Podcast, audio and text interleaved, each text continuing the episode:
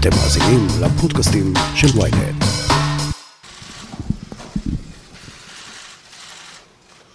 Last night, the United States brought the world's number one terrorist leader to justice. Abu Bakr al Baghdadi is dead. ביום ההוא, ב-27 באוקטובר 2019, כאשר דונלד טראמפ הכריז על חיסולו של מנהיג דאעש, נראה היה כי הארגון הזה הגיע לסיום דרכו. ההתקפות פחתו, המרצחים התפזרו או נתפסו, ולאט לאט החרדה ירדה במערב. אלא שבתקופה האחרונה, אייסיס, דאעש בלשוננו, חוזרת לכותרות עם פיגועים מדממים בפינות שונות של העולם. האם עלינו להתרגל שוב לארגון הזה? יורם שווייצר, מומחה בינלאומי לטרור וחוקר בכיר במכון למחקרי ביטחון לאומי, לא בדיוק אופטימי. הכותרת, הפודקאסט היומי של ynet עם עטילה שומפלבי. יורם שווייצר, בוא נדבר על דאעש, חשבנו שכבר נפטרנו מהשם הזה, מה פתאום קאמבק לתוך התודעה? לא יודע מי זה חשבנו, לא יודע מה זה נעלם, ובטח לא יודע מה זה לחזור לתודעה. אני חושב שמי שעוסק בנושא הזה, אה, של הסלפי הג'יהאדי, שזה השם הכולל של המחנה גם של דאעש וגם של אל-קאעידה, מבין שיש פה עליות וירידות. אתה מסתכל על זה במבט של עשור או אפילו של שני עשורים אם אתה רוצה, או אפילו שלושה עשורים, כי אל-קאעידה כבר איתנו שלושה עשורים, ולכן התנודות האלה כל פעם שיש איזו התפרצות באיזשהו מקום בעולם, בין אם זה פיגוע או הסתערות של אה, חוליות שמזוהות עם דאעש באפריקה, מעלות מחדש לתודעה מה שכולנו יודעים, שלמרות שהמדינה האסלאמית, הישות הזאת שמתוכה נותר את הדעש והשותפים שלו לפעול, הם קיימים ואיתנו כל הזמן, הם פועלים כל שבוע ברחבי העולם. ובכל זאת, נדמה שהפרסומים על מה שקרה במוזמביק וכמות המתים הגדולה שהייתה שם, כן מחזירים אותנו לימים עברו שכבר חשבנו שנפטרנו מהימים ההם. כלומר, ראינו את טראמפ מבטיח, ראינו את, את המנהיג שלהם, בגדדי, מחוסל, חשבנו שהארגון הזה הולך לקרוס פנימה. מי מוביל אותו כיום? מי האנשים שחלק ממנו ומה הם רוצים להשיג עכשיו? צריך להבין, יש את המרכז של מה שנקרא דאעש, אה, שנמצא בסוריה ובעיראק, בחלק הצפוני-מזרחי של סוריה, ובחלק המערבי של עיראק, שם בולטות, בולטת הנוכחות שלהם, למרות שמדי פעם מבצעים פעולות גם במקומות אחרים. למשל, היה לנו פיגועי התאבדות לפני, נדמה לי כחודש, ובגדד פתאום שני פיגועי התאבדות רבי נפגעים שדאעש ביצע, ועכשיו יש באינדונזיה פתאום איזה שני פיגועים של uh, זוג שחזר וביצע איזה מדינה שכבר ספגה פיגועי התאבדות, ולכן כל פעם זה צץ במקום אחר, um, ומלמד אותנו בעצם שהתופעה שה, הזאת של, שנקראת דאעש, שקודם הייתה נקראה המדינה האסלאמית, ואל קאידה והשותפים שלה עדיין פעילים, ובחלקים אה, ניכרים בעולם הם אה, בעיקר הפריפריאליים, הם פועלים כל שבוע, מבצעים פיגועים, בין אם זה פשיטות צבאיות, בין אם זה פיגועי התאבדות, בין אם זה התנגשויות, על הנחת מטענים, כלומר הדבר הזה לא נעלם למרות ההצהרות הנמהרות מדי של טראמפ ובזמנו גם אובמה. כשאנחנו מדברים על ארגון כמו דאעש, אנחנו מדברים כמובן על, על ראש, נכון? אל-בגדדי חוסל.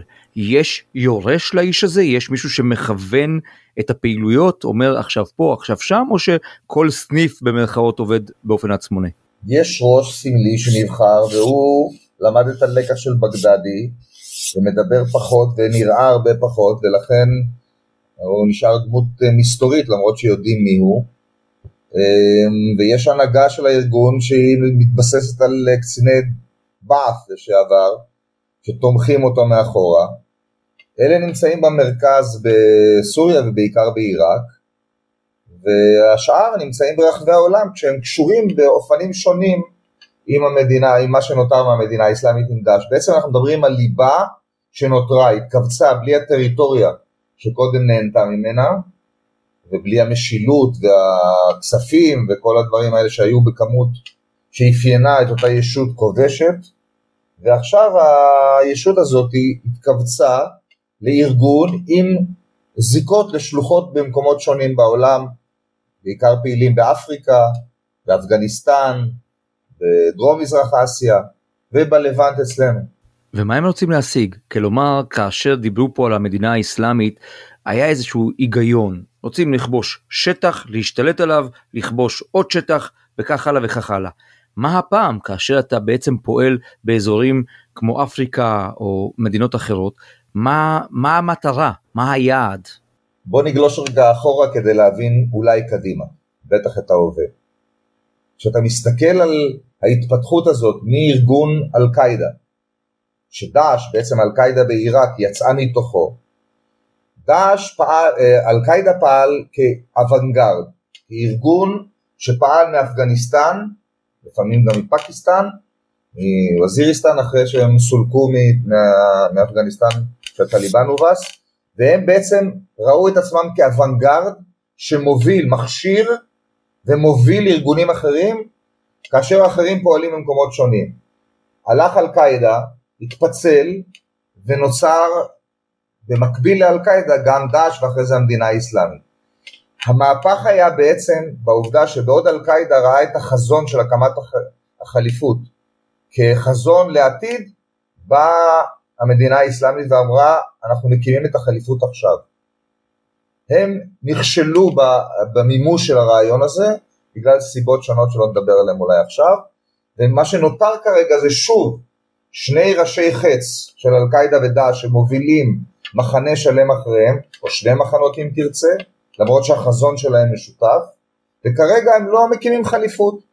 הם פועלים לקראת הגשמת החזון הזה שוב ובעצם הם הסתפקו כרגע במה שנקרא אמירויות כלומר שליטה בטריטוריות ושטחים בלתי נשלטים בכל מיני מדינות בעולם וכרגע הם מסתפקים בזה היעד הסופי הוא החזרת עטרת האסלאם ליושנה אם יוכלו להקים חליפות בוודאי זה מבחינתם ראוי אבל הניסיון המר שהיה להם לאחרונה בדרך שבה המדינה האסלאמית הובילה אני מניח שדחה את המימוש של הרעיון לפרק זמן ארוך יותר מבחינתם. כאשר אייסיס נכנס לחיינו ברמה הפומבית התרגלנו להמון סרטונים להמון יחסי ציבור לשיטת עבודה שונה וחדשה גם אכזרית ביותר עריפות ראשים צילומי וידאו סרטונים מבוימים היטב זה נעלם בינתיים זאת אומרת יחד עם ההתפצלות של דאעש אולי הקטנה של הארגון הזה גם ה-PR גם יחסי הציבור קטנו. זה מכוון השקט הזה כדי שלא יעלו עליהם, שלא יעקבו אחריהם, שלא יעוררו את חשדם של ארגוני הביון? לא, זה ממש פרי הביושים של היומרה של בגדדי. היומרה של המדינה האסלאמית להשתלט על שטח ולהקים חליפות, הנסיבות הגיאופוליטיות אפשרו להם איזושהי חריגה היסטורית על ידי הקמת אותה ישות, והישות הזאת ששלטה על שטח לפני שנתקלה בהתנגדות הגדולה שהביאה לסילוקה, היו לה את האמצעים ובתוך האזורים שהיא שלטה היא הנהיגה את אותה תפיסה שבה היא שילבה גם כיבושים, גם אכזריות בלתי מוכרת ובעיקר לוחמת תודעה מאוד מאוד מפותחת עם הכלים שהיו לה ועם האמצעים שהיו לה. היום בשל העובדה שהם התכווצו במידה רבה ביכולות שלהם בטריטוריה של הקטנות שבהם הם מחזיקים, והעובדה שהם נסוג, נסוגו לכל מיני אזורים שוליים, והיעדר האמצעים המתאימים הורידו את היקף הפעילות שקודם חזינו בה, של לוחמת תודעה מאוד מפותחת שאותה אתה תיארת קודם. ארגון כמו דאעש, ארגון כמו אל-קאעידה, הארגונים האלה שפועלים הם צריכים כסף מן הסתם, הם צריכים הרבה מאוד אמצעים. אז אנחנו יודעים אה, מאיפה הגיע בזמנו הכסף, אנחנו יודעים שדאעש ניסו למכור נפט בכל מיני דרכים ואכן עשו את זה כאשר השתלטו אה, על אזורים מסוימים של, של, של נפט, אה, בטח בעיראק. מאיפה הכסף עכשיו? מי מממן את הארגונים האלה? תראה, כל אחד מהארגונים האלה מממן את עצמו. קודם כל לדאעש עצמו נותר לא מעט כסף ואמצעים מהימים של, של המדינה האסלאמית. הם הרסו הרבה מאוד כסף. בעשרות מיליוני דולרים בחודש, וחלק גדול מהכסף הזה נמצא.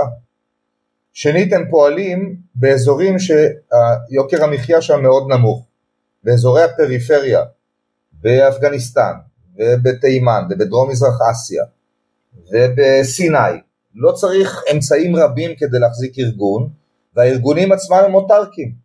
או שהם סוחטים מהאוכלוסייה, או שהם סוחרים בסמים, אם זה בסיני, או שהם אה, עושים פעולות של חטיפה ונטילת כופר, הדבר נכון גם לגבי אל קאידה, הם עדיין ניזונים מתרומות, ולכן הארגונים האלה לא צריכים סכום גדול מדי כדי לקיים את עצמם, והם מקיימים את עצמם. זה חלק מהם סוחטים, אה, סוחטים כספים מהאנשים שנמצאים תחת חסותם, או שנעזרים בצדקה.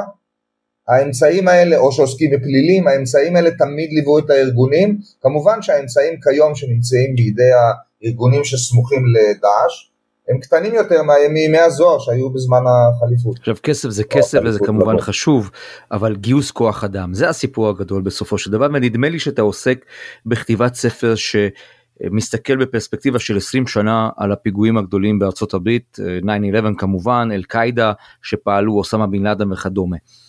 דאעש הצטיינו בגיוס אנשים הרבה מאוד אנשים עם, עם נטייה אסלאמיסטית מאירופה הגיעו פתאום לאזור שלנו נכנסו במין רומנטיקה לתוך שוך הקרבות ו- ו- ו- והיו חלק מתוך הבלגן שהיה כאן.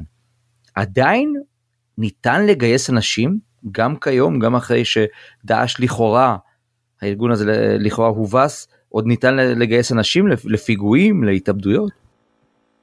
כן בוודאי גם כשאתה מסתכל על כשאתה מסתכל באמת בפרספקטיבה רחבה כשאנחנו בספר שאנחנו כותבים אנחנו שלושה שותפים אתה מבין שהייתה תקופה שבה דאעש, אם נדבר על דאעש, נתמקד בה כרגע, או במדינה האסלאמית, באותה תקופה היא הייתה אבן שואבת להרבה מאוד צעירים שהתגייסו מרחבי העולם המוסלמי. התופעה הזאת כיום נמוגה במידה רבה, אין יותר נהירה למרכז, המדינה האסלאמית דרך אגב זיהתה את התהליך הזה ואמרה להם תישארו בארצות שלכם ותתגייסו ותפעלו בעצמכם. היום במדינות עצמם שבהם השלוחות של דאעש פועלים, פועלות, במקומות האלה הם מגייסים אנשים לטובת הפעילות שלהם באזור, זה לא אותה נהירה של המונים שבאו למרכז אחד. זה היה גם באפגניסטן עם אל-קאעידה בזמנו, וזה נגמר.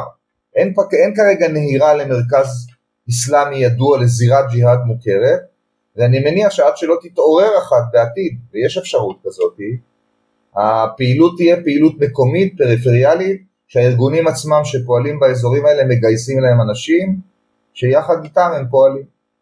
יורם שווייצר לסיכום אם אתה צריך לצפות קדימה לשנה הקרובה לשנתיים הקרובות אנחנו נשמע לא מעט או, או אפילו יותר ויותר על הארגון הזה דאעש. אני חלש בניבוי העתיד אבל אם אני מסתכל על מה שקורה כרגע בהווה אנחנו רואים פעילות. שוב מי שמסתכל על זה ביום יום רואה פעילות ענפה מאוד של טרור. טרור וגרילה. והפעילות הזאת תימשך. האם היא תתגבר, האם יש שוב איזשהם נתונים שהביאו בסופו של דבר לצמיחה של הישות הזאת שנקרא המדינה האסלאמית, זה כבר תלוי בנסיבות ובהשתלבות של גורמים גיאו-אסטרטגיים, גיאו-פוליטיים, שאולי של נפילת משטר, אולי של איזה חריגה בפעילות מערבית שיכולה לגייס את האנשים האלה.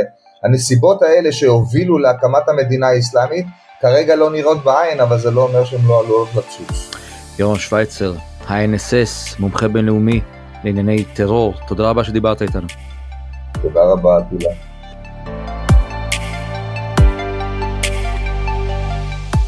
עד כאן הכותרת להיום, מחר נהיה כאן שוב עם פרק נוסף. אתם יכולים להאזין לנו בוויינט, בספוטיפיי, באפל ובכל אפליקציות הפודקאסטים באשר הן.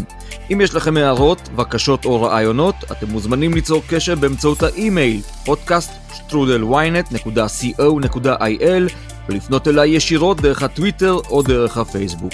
נשתמע מחר.